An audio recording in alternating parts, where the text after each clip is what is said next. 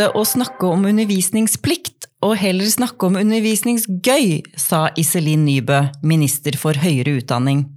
Dette er podden som tar henne på ordet, og snakker om undervisningens lyse og mørke sider. Jeg er Gunn Enli, studiedekan ved Det humanistiske fakultet, Universitetet i Oslo. Her på kontoret mitt tenker jeg mye på undervisning. Men det jeg liker enda bedre enn å tenke alene, er å tenke sammen med andre.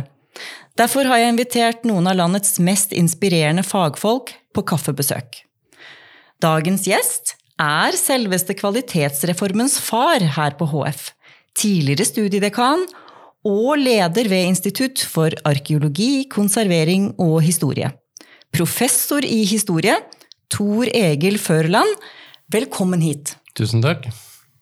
Ja, Det er nå 15 år siden du hadde ansvaret for å implementere kvalitetsreformen her på HF.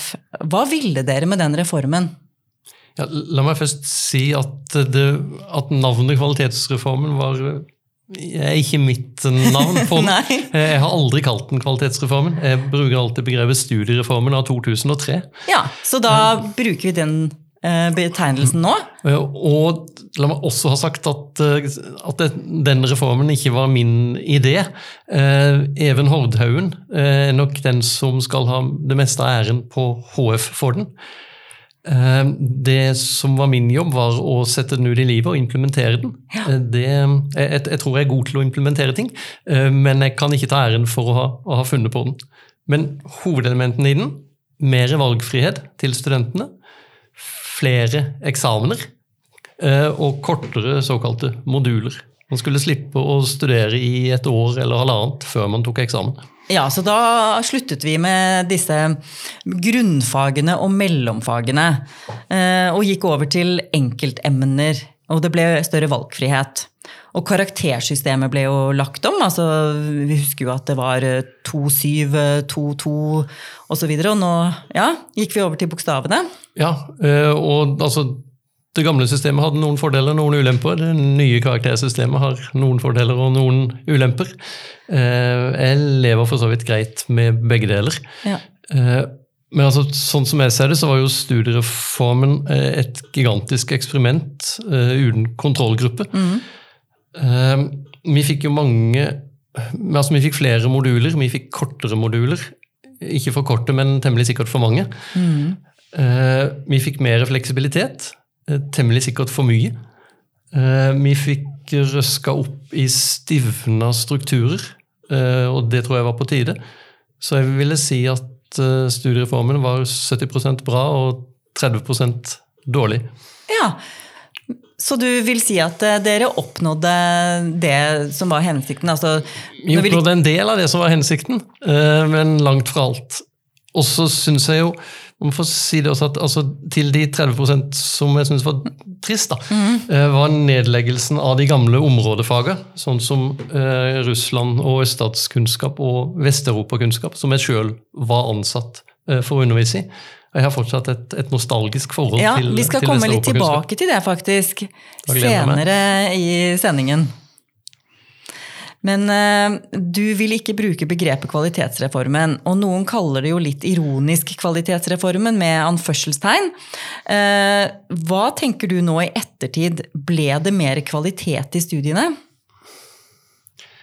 Det er vanskelig å si, rett og slett. Uh, altså, det ble jo, og det tror jeg ikke vi skal glemme det ble, altså Universitetet fikk tilført mange nye stillinger som følge av reformen. Mm, mm. Eh, vi fikk faktisk altså Sektoren fikk alt den ba om. Ja. Det er helt enestående. Den fikk alt den ba om. Så det eh, var uh, Og det, det har det aldri gjort, verken før eller siden. Mange av mine altså, kolleger nå ja. fikk sine stillinger som følge av studiereformen. Ja, så vi har blitt bedre bemannet? Vi har blitt bedre bemanna, men har jo også fått en del nye oppgaver. Ikke sant? Men eh, det har kommet studentene til gode? Ja, for altså Studentene har fått flere lærere. Ja. Eh, og siden hver lærer har samme undervisningsplikten Ikke som sant? før, eh, så betyr det at det er mer undervisningsressurser som gis til studentene i dag. Og studentene får møte fagpersoner oftere og får mer veiledning. altså De blir ikke avvist. De får mer tilbakemelding og kommentar ja. enn de gjorde før. Mm. Så det virker jo som det har skjedd eh, en forbedring i det pedagogiske og, og for, for, studentene. Ja, jeg mener absolutt at det har skjedd en, en viss forbedring. Ingen revolusjon, men en viss forbedring. Nei. Eh, men da må vi jo si oss fornøyd med 70 av 100% altså, som, som du, du, sa i stad. Eh, la oss gå litt, enda litt lengre tilbake i tid enn kvalitetsreformen. Til dine formative år. Eh, når var det din interesse for historie begynte? Altså, hvis du hadde spurt mine avdøde foreldre, ja. så ville de fortalt at jeg allerede som barn leste Snorre. Eh, det, det, er for så vidt riktig, men det at jeg ble historiker, har ingenting med det å gjøre. Eh, altså, Jeg hadde tenkt å begynne å studere engelsk. Ja. Eh, så min første universitetseksamen den var forprøven i lingvistikk og språkvitenskap. Ja, nettopp. Eh, der jeg begynte med å svare blankt på de to første spørsmålene. Eh, men så tok jeg statsvitenskap først eh, på Universitetet i Oslo med, og ble veldig begeistra for det, si, det, empirisk anlagte grunnfaget. Og lite begeistra for mer, det jeg oppfatta som en modellfiksert mellomfag. Mm. Og så tok jeg historie etterpå. Jeg husker ikke engang hvorfor. Altså, Jeg har aldri hatt noen klar karriereplan, verken som student eller siden. Nei, jeg gjorde det jeg hadde lyst, kjenner meg igjen i. Og det var først etter at jeg var ferdig med doktorgraden og hadde jobb på Blindern, som jeg skjønte at hva jeg egentlig burde ha studert, og da var det for sent å begynne om igjen. hva var det du egentlig burde studert, da? Jeg burde studert jus. Oh, ja, Så du ville gått en helt annen retning? Det har gått tapt en jurist i meg. ja, ja. Men du klarer nok å få bruke dine evner i, som historieprofessor også. Du studerte jo ved Universitetet i Oslo, som du sa nå. Altså, selv om det ble ikke just, så ble det statsvitenskap og og bl.a. historie. Og var det noen spesielle forelesere eller undervisere som utmerket seg i din studietid? Fikk du noen på en måte favoritter? Hvis jeg kan begynne ett hakk ja. før. Ja. For jeg, jeg, har nemlig et anstrengt forhold til lærere. Jeg, jeg havna i opposisjon til flere av lærerne på oh, ja. skolen. Ja. Du er en frekk unge, sa en av de til meg. Jeg skjønner du, fortsatt ikke hvorfor. du var en frekk unge. Aldri tilgitt han, han sa det. Eh, på gymnaset så slutta jeg til jul i annen klasse i protest mot teite lærere. Oi, Så Særlig du er en opprører? Jeg har iallfall et anstrengt forhold til lærere. Ja. Eh, men så, eh, høsten 77, så tok jeg X-Fill. Ja. Og der hjemme i Arendal på sånn desentralisert friundervisningsopplegg. Mm. Og der var det en lærer som kjørte fra Kristiansand til Arendal eh, hver dag da, og, ja. og underviste. Han het Erik Stovland, og var nesten 20 år eldre enn meg. Eh, han er et pedagogisk forbilde og en venn. Oh. Han, han, tok oss på alvor, han tok filosofien på alvor. Og han, han stilte spørsmål også ved autoritetene på pensum.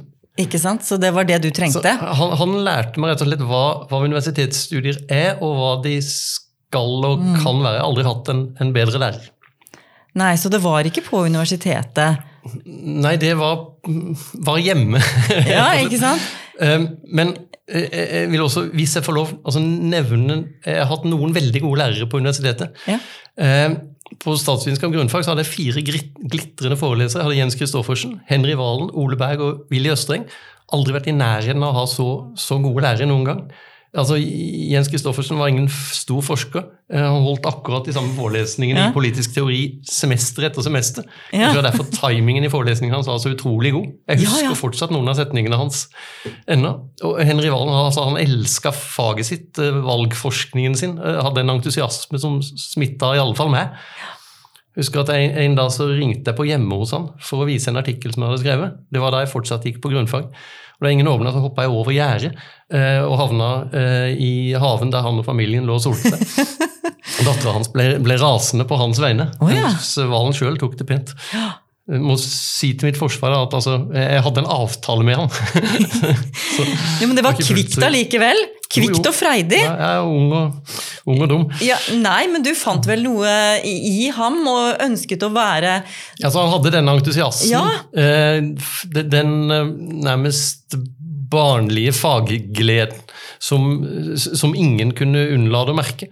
Og det, det gjaldt for så vidt også Ole Berg ja. eh, i offentlig politikk. Og, og Østrengs forelesning om såkalt MIRV-teknologi fortsatt en av mine store opplevelser. Altså, dette er jo 30 år siden. Jeg, jeg husker deler av den ennå. Eh, jeg hadde rett og slett fryktelig flaks med foreleserne i det første faget jeg tok. Ja, Så det fanget deg og smittet over på, på din eh, lærevilje, da?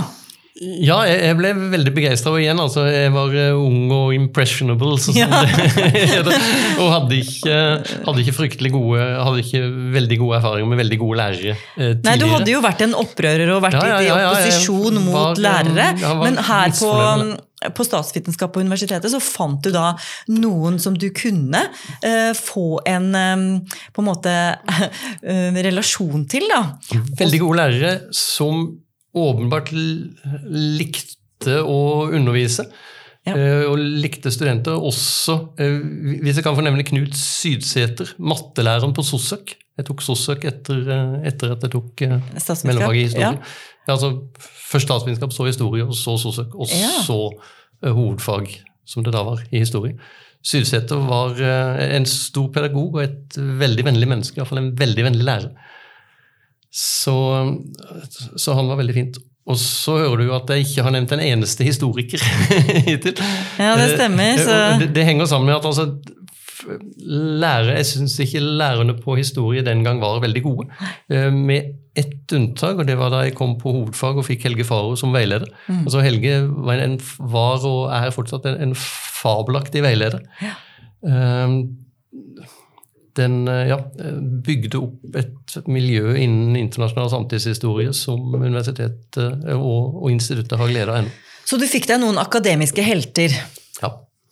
Og det er jo veldig interessant, den derre omvendingen da, fra å være opprørsk og motvillig overfor lærere, til å bli på en måte fascinert og tiltrukket av gode forelesere. Eh, du har jo skrevet om 68-ere. Eh, og eh, det er jo Det hører jo med et visst opprør og og en viss type hårfrisyr og musikksmak til den tiden. Men hva er det, hvis du skal se tilbake og det, det du kjenner som har skjedd siden, hva er det som skiller dagens studenter fra, fra disse 68-erne? Hovedforskjellen er nok at de den gang var, og det er helt til, altså, gjennom hele 70-tallet også. Altså, de, de, var så veldig mye mer aktive, mm. både i undervisningen, eh, en del av de, da, og studentpolitisk. Veldig mange av de. Altså, selv da jeg kom til Blindern i 78, så var gangene fortsatt fulle av veggaviser. Eh, og de hadde et, eh, mange hadde et, et brennende politisk og faglig politisk eh, engasjement mange av studentene, særlig på HF og SV-fakultetet, var først og fremst opptatt av politikk, og det var knapt noen som var opptatt av hvilke jobber de skulle få etter studiene. Og det, det, er nok den største forskjellen fra i dag. For I dag så oppfatter jeg at de fleste studentene er mye mindre politisk engasjerte, og mye mer opptatt av hva de skal, skal bli når de er ferdig med å studere. Ja, det skal mye til før de går ut i gaten og demonstrerer eller eh, engasjerer seg sterkt. Det må være noe med studiefinansiering eller altså Det er veldig spesifikke saker, eh, er mitt inntrykk. Ja. Mens det politiske, litt mer generelle eh, samfunnsengasjementet kanskje ikke er så tydelig. Nei, altså det er fortsatt en del politisk engasjerte studenter, naturligvis. Mm. Men den gjennomgående politiske, universitetspolitiske, fagpolitiske interessen, den eh, oppfatter jeg at det er borte. Mm. Ja, du Jeg har jo nevnt det for deg før, men alle mine venner er historikere. Eh, til tross for at jeg ikke har studert historie, så har jeg hengt mye med historikere, fordi jeg skjønte fort at det er de som har de beste festene. Eh, og derfor så har jeg ganske gode kontakter i historiemiljøet i Norge. Eh, og jeg tok en kjapp prat da, med noen av disse for å forberede dette intervjuet med deg. Eh, så jeg vil bare sitere en av dine tidligere studenter. Han husket navnet på alle studentene etter å ha tatt runden to ganger. Og han var i særklasse überstrukturert. Tror han må ha vært den beste foreleseren jeg har hatt. Stemmer dette med at du husker navnene? Og er det ikke veldig hyggelig å høre sånne ting? Det er veldig hyggelig å høre sånne ting. Eh, da grupp, altså I håndterlige grupper, helst ikke mange flere enn 30, så ja. prøver jeg å, å lære navnene. Så det er et av dine grep? Det er et av mine grep. Jeg tror altså som foreleser, i alle fall, så, så, liker jeg å gjøre ting som, som bryter med studentenes forestillinger om hvordan en forelesning skal være. For mange studenter har et altfor høytidelig forhold til forelesningen. Eh, så jeg, jeg, prøver å, røske litt opp i forventningene deres eh, ja. ved å si og gjøre ting som de ikke venter, og, og med å bruke uh, humor. Ja. Men det, det, er klart, det skal, det skal, ikke være bare tull og tøys og teater. Uh, altså det skal være struktur uh, også. Altså folk skal lære noe, de skal kunne se på notatene sine i ettertid og, og se at det ja. ikke er tomt der. Og så må de engasjeres. Ja, for det var jo dette med struktur og dette med at du husket navnene som eh, ble trukket fram særlig som eh, kvaliteter ved dine uh, forelesninger. Mm. Men du, du, kan jo sant, Du kan huske navnene på hver eneste student, og du kan holde en superstrukturert forelesning, men hvis du ikke makter å engasjere studentene, mm. så lærer de ingenting. Sånn at uh, jeg prøver i alle fall det også. Det er jo ikke alltid jeg får det til. Men, mm. men skal de læres, så må de engasjeres. Ja, og så har du tydeligvis klart å engasjere såpass at en av dine tidligere studenter til og med strikket en lue til deg. Eh, jeg vet ikke om dette er noe du husker, men det har blitt meg fortalt at du var såpass i tvil da, om hva du skulle stemme i EU-avstemningen i 1994, at en av dine studenter forbarmet seg over deg og strikka en EU-tenkelue til deg. Eh, du, Er dette noe som hender ofte? At studenter strikker luer til deg? Nei, hun er den eneste som strikker lue. Det var en veldig fin lue. Med blå med gule EU-stjerner og en gul topp. Ja, jeg vet ikke om den hjalp meg så mye til uh, Tenkningen og avgjørelsen. Nei, men du husker uh, luen, og det er ja, ja. den eneste gang du har mottatt en hjemmestrikket lue av en student. Ja, må innrømme det. Allikevel så må jo det bety at du har skapt et, uh, et engasjement og en, en liksom personlig relasjon til noen av studentene. Um, noe av det morsomste jeg gjør med studenter, er å ta dem med på ekskursjoner eller på studieturer. Da får man jo ofte litt sånn ja, personlig forhold eh, faglig sosialt. Og, og, det Har du også gjort det? Har du også tatt med deg studenter på studietur noen gang? Ja, da jeg underviste i Vest-Europakunnskap, så dro vi flere ganger til eh, Brussel med studentgruppa. da. Ja. Det, det, jeg er helt enig med deg at det er det, er en fin ting å gjøre. Eh, både for studentenes forhold til faget, studentenes forhold til hverandre og, studentenes forhold til læreren og lærernes forhold til mm. studenter. Altså, du, har, eh, du, er altså kjent for å være strukturert, du er kjent for å kjenne navnene, og du vektlegger entusiasme. Og du tar med deg studentene på studietur og, og små ekskursjoner eh, for å vise de eh, eh, andre steder enn klasserommet. Stemmer det? Stemmer for så vidt. Må huske at det er lenge siden jeg har vært i undervisningssituasjonen. Mm. Altså, Jeg har jo hatt lederverv nå i så mange år at jeg knapt kan huske sist jeg underviste. Ja, men, eh, men det vil jo da si at du har en, en dobbeltrolle her. Altså du både har erfaring som underviser, og du underviser sjeldent nå. Men du bygger vel også din eh, ledelse på egne erfaringer med studier, eller eh, med å være eh, Absolutt. Og mine forestillinger om si, hva god undervisning er, baserer seg naturligvis på både mine opplevelser som student mm. og for så vidt på mine egne opplevelser som lærer også. Ja. Hva det jeg mener gjør at studenter lærer. Altså, du, du merker jo ofte mm. når, de, si, når, det lyser i øynene på dem. Når det lyser i øynene ja. på dem, ja. Og hvordan, eh, hvordan, liker du selv å undervise, selv om eh, du gjør det mer sjeldent nå? Så, så er de din idealsituasjon Er det stor forelesning, enveiskommunikasjon hvor du får snakke og formulere deg godt, eller liker du bedre små seminargrupper med færre studenter, hvor du kan lære navnene og komme litt på, eh, på det personlige planet? Jeg liker godt store grupper, faktisk. Mm. Altså, det, det, er helt ålreit med seminargrupper mm. også, uh, men de, no, noen syns at det gøyeste er å veilede én til én. Mm. Uh, det er ikke min uh, greie, primært. Jeg, jeg syns ikke jeg er en veldig god veileder. Nei, Så du syns det er mer problematisk? Jeg, jeg er gladere i klasseroms- og auditoriumsundervisning, rett og slett. Ja. Ja, og jeg kjenner igjen det at det er ganske gøy å ha store grupper. For da er det lett å skape engasjement og entusiasme, og man føler at man har mange å, å å, å trekke inn, da. Og, og at det, det kan være litt sårbart hvis det er veldig små grupper. Um, Men man er også, også avhengig av å ja, få det til å lyse i øynene på mange samtidig.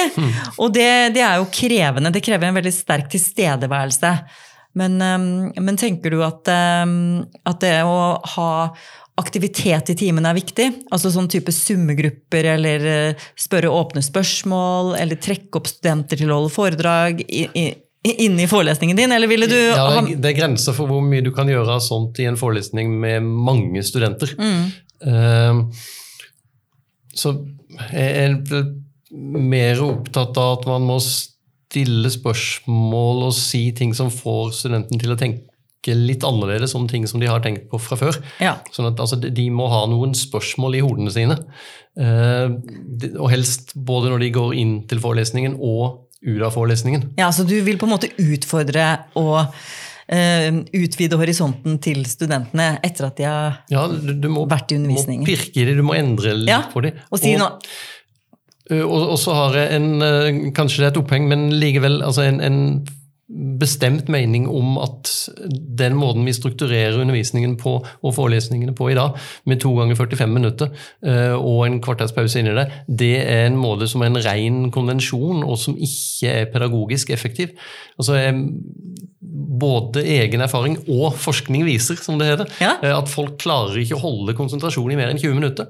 Det er absolutt ingen grunn til at en forelesning skal vare i 45 minutter.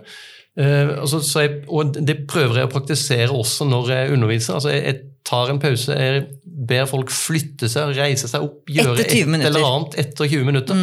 For å bryte den monotonien Ja. som da ellers nesten eh, automatisk kommer.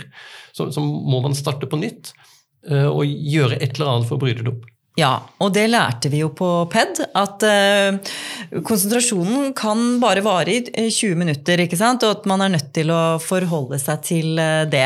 Men samtidig så ligger disse strukturene inne med to ganger 45. Men det er jo vi- sjøl som har bestemt de strukturene. Altså, vi har jo en, vi har eh, undervisningslokalene på Blindern i en hel dag, vi. Ja, vi og kan kunne- strukturere det akkurat som vi vil.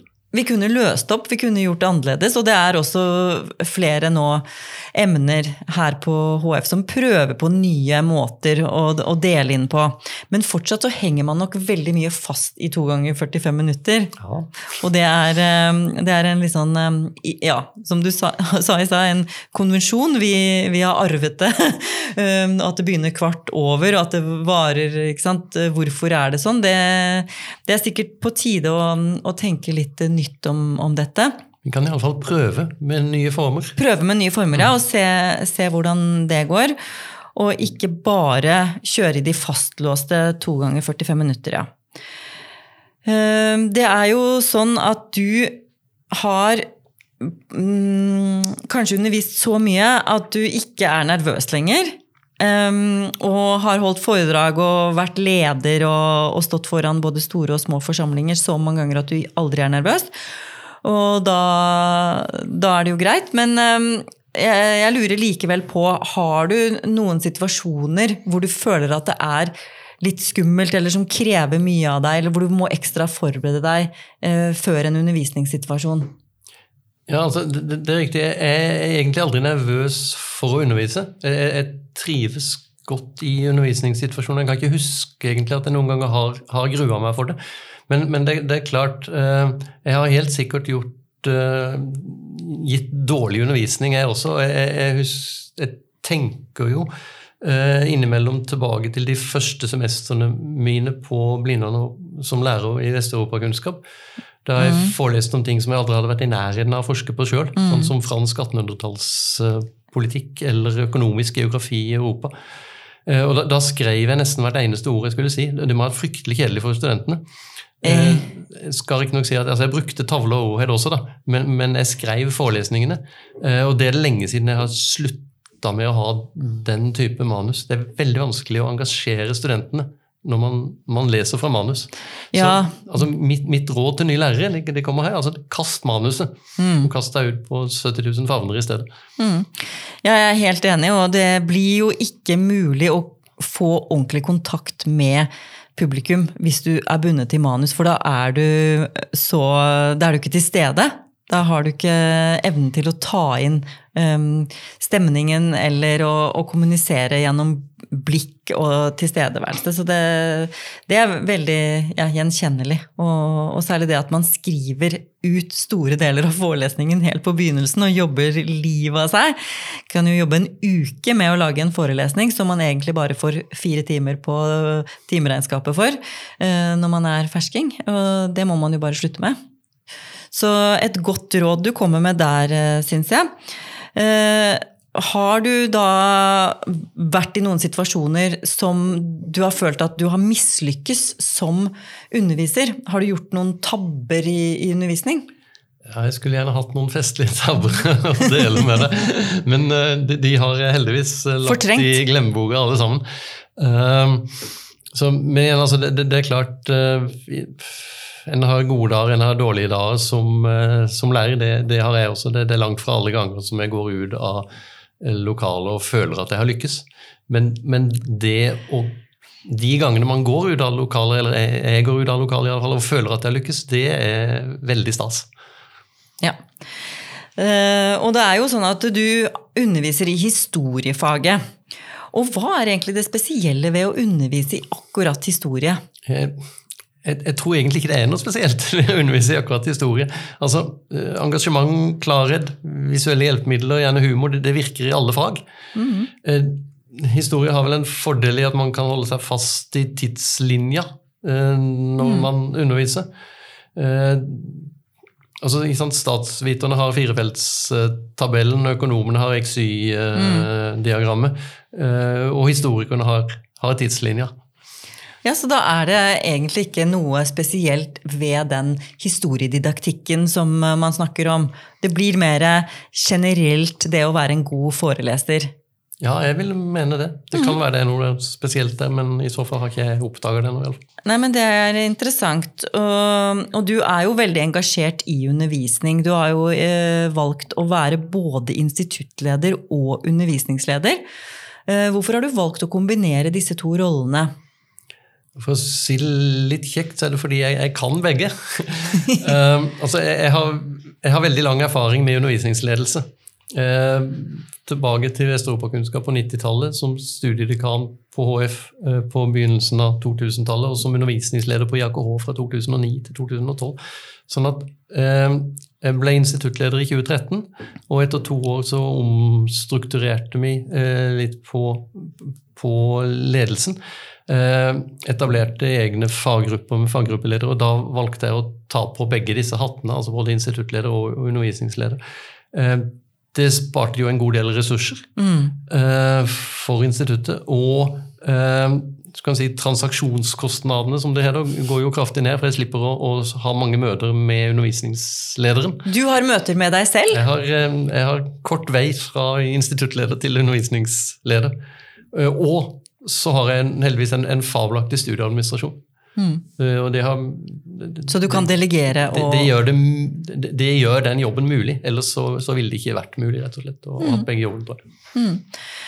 Men det virker jo som eh, en, eh, en rolledeling som fungerer godt for deg, og som også gjør at undervisning og forskning tenkes sammen. Eh, det er jo noe av det som er høyt på agendaen innenfor utdanningspolitikk for øyeblikket. Altså at man ønsker en sterkere kobling av forskning og undervisning. Er du enig i at dette er viktig, og hva tror du er nøkkelen hvis vi skal få det til? Altså, jeg, jeg, tror at Det viktigste er at de som skal undervise på universitetet, vet hva forskning er. Altså, de må vite hvordan en forsker nærmer seg et problem eller et spørsmål. Eh, og de må tenke at de kan gjøre det på samme måten sjøl. Mm. Eh, de trenger ikke nødvendigvis ha forskerutdanning, men de må vite hvordan forskere tenker. Altså, en av de beste lærerne på IAKH, eh, John McNichol, som fikk UiOs undervisningspris for noen år siden, han har ikke doktorgrad. Men han vet hvordan forskere tenker, han vet hva forskning innebærer. Ja. Godt poeng. Så det å undervise i i det å for,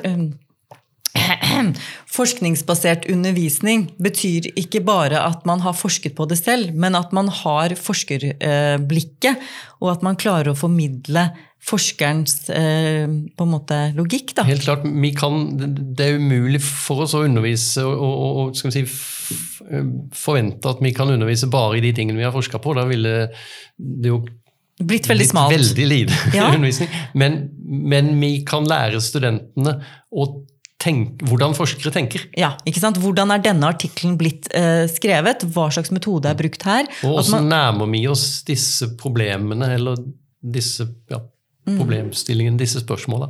Mm. Eh, det er jo en annen kampsak innenfor utdanningsledelse er jo arbeidslivsrelevans. Og, og, noen syns dette er veldig viktig og vil kjempe for arbeidslivsrelevans. Mens eh, hos andre så vekker det begrepet litt harme. Hvorfor tror du det er så omdiskutert? Ja, det har jeg lurt på. Jeg, jeg har ikke noe veldig godt svar på det. Kanskje, noen, kanskje det er fordi at noen tenker at de som maser, på arbeidslivs, eller maser om arbeidslivsrelevans, at de tenker at det, det, det rene faget ikke er så mye verd. Mm. Sånn at de oppfatter det som en kritikk av, av det rene universitetsfaget. At det antyder at vi svever i vår egen verden. Jeg vet ikke, det, det er mulig det er noe der. Ja, Men, at man ønsker autonomi og, å bevare fagligheten, og at man ikke ønsker å på en måte eh, tilpasse seg samfunnets krav eller arbeidslivets krav. Ja, for Hvis blir... man krever mer arbeidslivsrelevans i studiene, så antyder det jo at studiene ikke er ideelle sånn som de er nå. Mm. Og hvis man mener at studiene er ideelle sånn som de er nå, ja. så, er, så er jo det et, kan det oppfattes som et angrep på det en holder på med. da. Men altså, jeg, jeg, mener jo at hvis vi ikke lærer studentene noe som de har bruk for i arbeidslivet, så, så ber vi de og skattebetalerne om å bruke veldig mange ressurser eh, på ting som folk ikke trenger i jobben etterpå. Og jeg, jeg sier ikke at det er dumt eller galt, men eh, da skal de i hvert fall være veldig sikre på at det er veldig verdifullt, det vi lærer dem. Så jeg, jeg tror vi kan, kan, gjøre begge deler. Eh, at vi både kan lære de si, eh, eksistensielt viktige ting, mm. og ting som de trenger i arbeidslivet. Altså, ikke, altså, de trenger å kunne skrive god sakprosa. Det kan vi lære dem. Eh, jeg vil riktignok gjerne at de lærer å skrive kortere og mer poengtert sakprosa enn de ofte gjør på universitetet. Ja, tenker, du sånn type, tenker du sånn type brev, eller um, å skrive kortere enn en 120 siders masteroppgave? Det er veldig sjelden i ens liv at en trenger eller har bruk for, eller i det hele tatt kan eh, skrive over 100 sider om mm. et eller annet. Eh, altså Folks tid, ikke minst i arbeidslivet, er knapp. Uh, og hvis du vil si det i et eller annet, så må du si det kort. Du må si det klart, og du må si det kort. Og du må ha hovedpoengene dine først.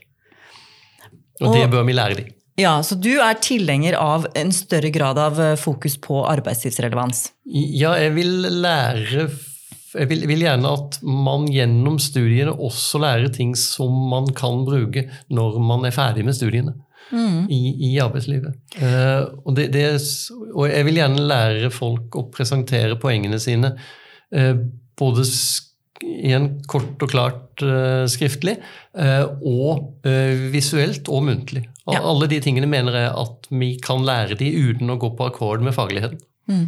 At vi skal lære de noen ferdigheter. Absolutt. Som er etterspurt i arbeidslivet, og som de vil få nytte av uansett hva slags type ja. arbeid de havner i. Ja. og det, dette tegner jo et bilde av deg som en person som har beveget seg et stykke bort fra 68 studenten som studerte for å studere og ikke visste hva de skulle bli, mens du nå er tilhenger av arbeidslivsrelevans og mer ferdighetsstyrt undervisning? Ja, altså jeg er jo ingen 68-er. Jeg, er for, eh, jeg er for ung til å, å, å tilhøre 68-erne på noe vis. Eh, jeg kom inn på universitetet da de eh, var på vei ut. Ja, Men du har interessert deg for 68-generasjonen som på en måte fenomen. da, Og du ser også verdien i den type studentmasse. Ja, hvis det er noe en kan altså Nå uh, lengter jeg jo litt tilbake til 68-studentene i stad, de politisk uh, engasjerte studentene. Men uh, hvis det er noe en kan ikke lengte tilbake til, er jo det altså De hadde jo en betydelig forakt for arbeidslivet. Ja. En god del av de, må vi si.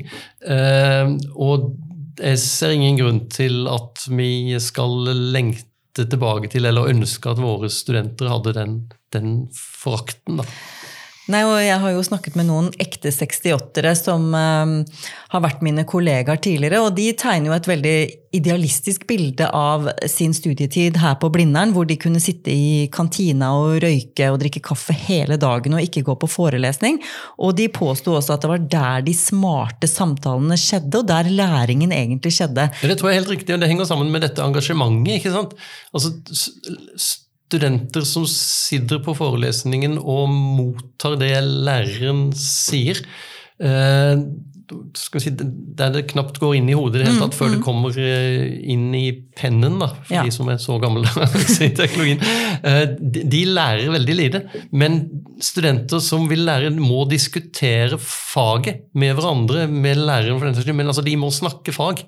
Ja, Eller så, så, lærer de ikke. Så verdien av eh, røykekantina var egentlig at man fikk et, eh, et rom, da, eller en arena for å diskutere fag, og hvor man kunne sitte der hele dagen og være litt sånn eh, utforskende i forhold til faget. ja, det er klart, altså, du, du, kan jo sitte i kantina uten å snakke fag og uten å lære noe, mm. men hvis du snakker fag med andre, hva enten du gjør det i kantina eller hjemme eller helt andre steder, mm. så lærer du noe. Nettopp. Så det er det vi vil eh, ha til, eller det er det vi vil få til å skje? Jeg vil ha studentene til å, altså, til å snakke fag og til å tenke fag. Eh, og jeg mener at forelesningens hoved, eh, si, hovedpoeng, vitsen med en forelesning, eh, er å tenne en gnist hos studentene som gjør at de holder den gnisten ved like også etter at de har gått ut av forelesningene, eh, og snakker mer fag og tenker mer fag. Og snakker fag med hverandre når de går ut i pausen, snakker fag når de går hjem, snakker fag på kvelden, på puben. At de også får inspirasjon til å lese pensum og snakker videre med det i kollokvier, enten det er organisert eller uorganisert mm. former. Det er jeg helt enig med deg i. Ehm, nå har jeg til slutt eh, tre faste spørsmål. Ehm, det ene har vi jo vært innom, men jeg lurer på om du kan oppsummere noen tips til andre undervisere. Hva er dine teknikker for å engasjere studentene? Ehm, jeg tror ikke teknikken er poenget, jeg tror poenget er å vise eget engasjement for det man holder på med, det man underviser. For det, det engasjementet, det smitter. Ja, Så enkelt. Ja. Spørsmål nummer to. Er det noe du ønsker å få til innen undervisning som du enda ikke har realisert? Eh, jeg ønsker å få studentene til å tenke sjøl, og tenke kritisk. Eh, og det, si, det er en evig realisering. En pågående ja. prosess. Jeg blir aldri ferdig med det. Nei, ikke sant? Så du vil igjen engasjere og påvirke de, deres uh, nysgjerrighetsgen, da. Ja, og så vil jeg gjerne prøve ut nye organiseringer av forelesningen. Mm. Jeg tror forelesningen har en fremtid, men eh, da må den fornyes. Ikke sant? Så du sier ja takk til forelesning, men kanskje ikke to ganger 45. Uh, og så er det et litt vanskelig spørsmål til slutt, litt framtidsrettet. Uh, hvor tror du høyere utdanning er om 15 år? Ja, nå er jeg historiker, så jeg ser bakover. Men altså, jeg, jeg, tror ikke at det fysiske eller personlige møtet mellom lærere og studenter blir overflødiggjort eh, med det første. Heller ikke av, av digitaliseringen. Mm -hmm. altså jeg, jeg, tror på campusuniversitetet. Jeg, jeg tror på møtene mellom mennesker. Ja. Og de vil fortsatt finne sted på universiteten. Så det blir ikke chatbots og undervisning bare over nett? Det blir fortsatt eh, fysiske forelesninger? Jeg tror du lærer mye bedre uh, av å møte den personen som du snakker om, om fag sammen med, eh, enn å bare chatte med vedkommende. Selv om du kan gjøre det også, men, men et fysisk møte, personlig møte, tror jeg fortsatt vil være av verdi. Ja, og det høres ut som ditt hovedmål er å tenne gnist hos studentene, og at du tror det best skjer i fysiske møteplasser og i diskusjoner. Akkurat sånn er det. Tusen, tusen, tusen takk, Tor Egil, for at du stilte opp til intervju. Dette var veldig interessant. Og neste uke er vi tilbake med nye dypdykk i undervisningspliktens lyse og mørke sider, med en ny gjest fra akademias høyeste elfenbenstårn og dypeste korridorer.